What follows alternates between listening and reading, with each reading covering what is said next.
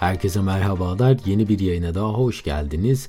Bugün hayatımızda cidden ihtiyacımız olmayan ve gerçekten istemediğimiz şeyler için neden savaşıyoruz bunu inceleyeceğiz belki topluluğun bizler için yarattığı imajı takip edebilme uğruna neleri kaçırdığımızdan bahsetmek istiyorum. İsterseniz buyurun hemen yayına geçelim. Bu arada yaptığım yayınları beğeniyor ve yeni yayınları kaçırmak istemiyorsanız dinlediğiniz platformlardan abone olarak tüm yayınlara anında ulaşabilir veya Patreon üzerinden bana destek olabilirsiniz.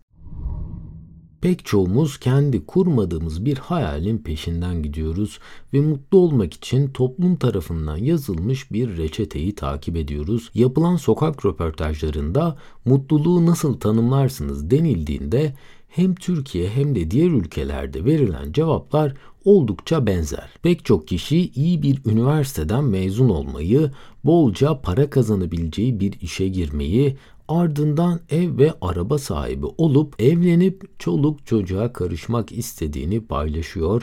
Bunların hiçbirinde sorun yok fakat neden milyonlarca insan aynı isteklerde bulunuyor? Eğer ki bu mutluluk listesini takip etmiyorsanız toplum tarafından başarılı olamamış insanlar grubuna dahil olabilirsiniz. Formüle edilmiş bu yaşam biçiminin peşinden koşmamız aslında çok da şaşırtıcı değil. Çünkü son 50 yıldır mutlu olarak gördüğümüz insanları medyada, televizyonda, izlediğimiz film ve dizilerde sürekli olarak aynı kalıpta görüyoruz. Yüksek derecede eğitime sahip, çok zengin, Evi ve arabası çok güzel, her zaman yanında olan bir sevgilisi veya eşi var. Ayrıca istediği tüm maddi eşyalara sahip ve bu yüzden de çok mutlu. Peki mutluluk gerçekten herkes için aynı olabilir mi? Pek çok araştırmada şunu hep duyarsınız. Çalışanların %70'i 80'i yaptığı işi sevmiyor ama bu işleri sevmemelerine rağmen neden bunu yapıyorlar? Şunu düşünebilirsiniz, bu kişiler hayatta kalabilmek için ve temel giderlerini karşılayabilmek için bu işleri yapıyorlar. Aslına bakarsanız temel ihtiyaçların çok çok üstünde gelir kazananlar da bu listeye dahil. Yani gelir düzeyi sadece orta ve alt sınıf olan kişiler değil, beyaz yaka olarak çalışan milyonlarca kişi de yaptığı işi sevmemesine rağmen bunu yapmaktan vazgeçmiyor.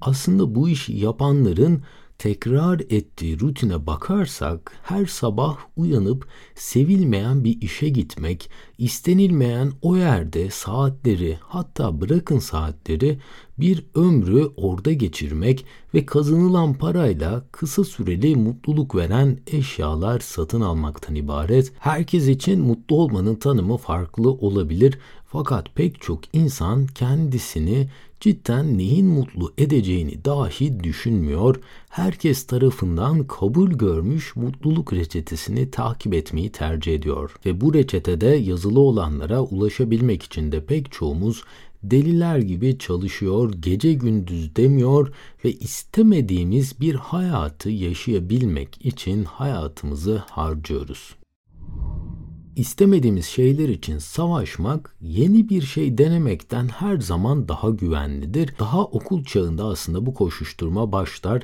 Daha o yaşlardayken bile iyi bir üniversiteye gitmek, ardından iyi bir kariyer yapmak, nasıl bir karaktere sahip olduğunuz önemsenmeden başarının ön koşulu olarak gösterilir. İyi bir eğitimi de iyi bir kariyer ve evlilik de takip ederse başarı ve mutluluk yolunda emin adımlarla yürürsünüz.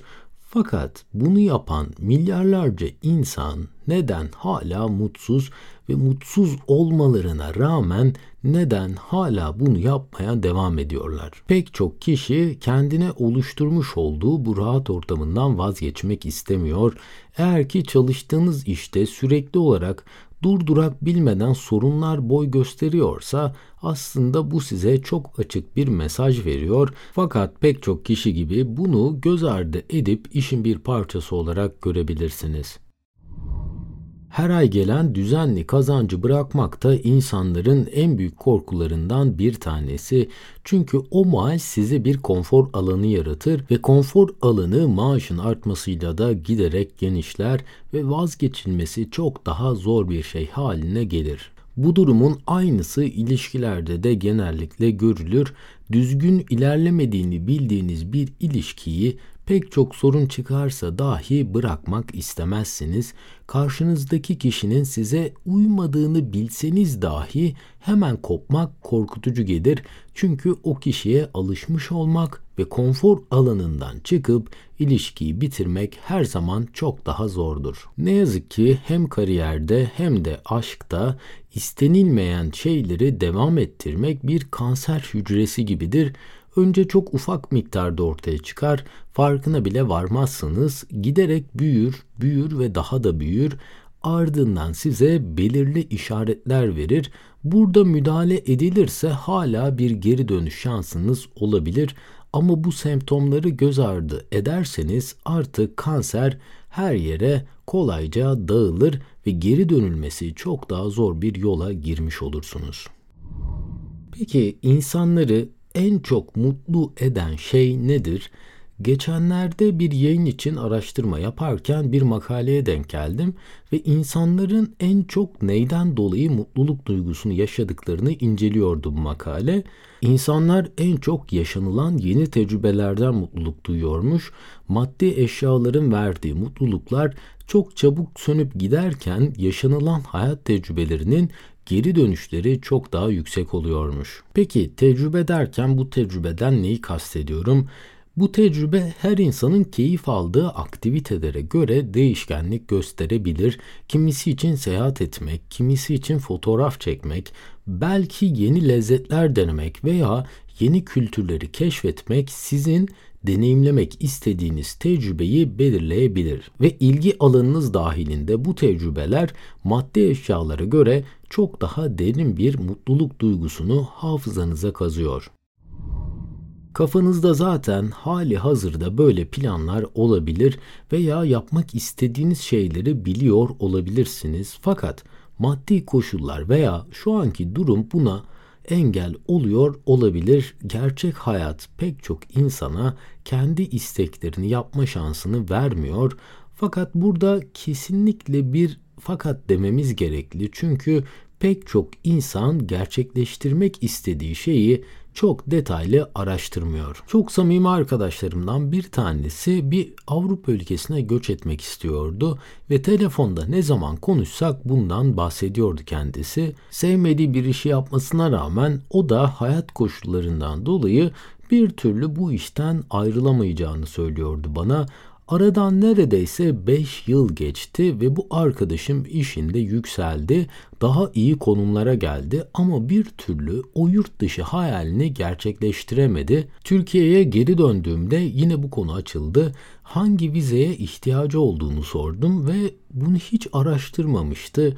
Peki ya uçak bileti ne kadar veyahut da kalacağın yerin bir aylık ücreti ne? Gittiğin zaman çalışabileceğin bir iş var mı? Ya da hangi burslar mevcut, oraya gidince nasıl bir firmada çalışmak istiyorsun dediğimde tüm bu soruların cevabı bilmiyorum idi. Aslında o hayal olan şeyi bu arkadaşım ulaşılması o kadar zor bir yere koymuştu ki her ne koşul olursa olsun yapılamaz ancak milyarder olmalıyım ancak harika koşullar bir araya gelmeli ve ben o zaman oraya gidebilirim şeklinde kafasında belirlemişti.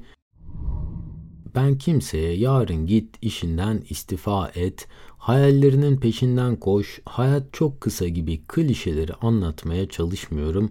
Fakat görünen o ki biz hayallerimizi kafamızın içinde bıraktığımız sürece istemediğimiz bir hayat için ölünceye kadar savaşmaya devam edeceğiz. Ve böylelikle bugün de bir yayının daha sonuna geldik. Umarım sizlere faydalı bilgiler sunabilmişimdir. Bu arada tüm yayının yazılı metnine ve yayında kullandığım kaynaklara açıklamalar bölümündeki link üzerinden ulaşabilirsiniz. En kısa sürede yeni yayınlarda görüşmek üzere. Kendinize çok iyi bakın. Hoşçakalın.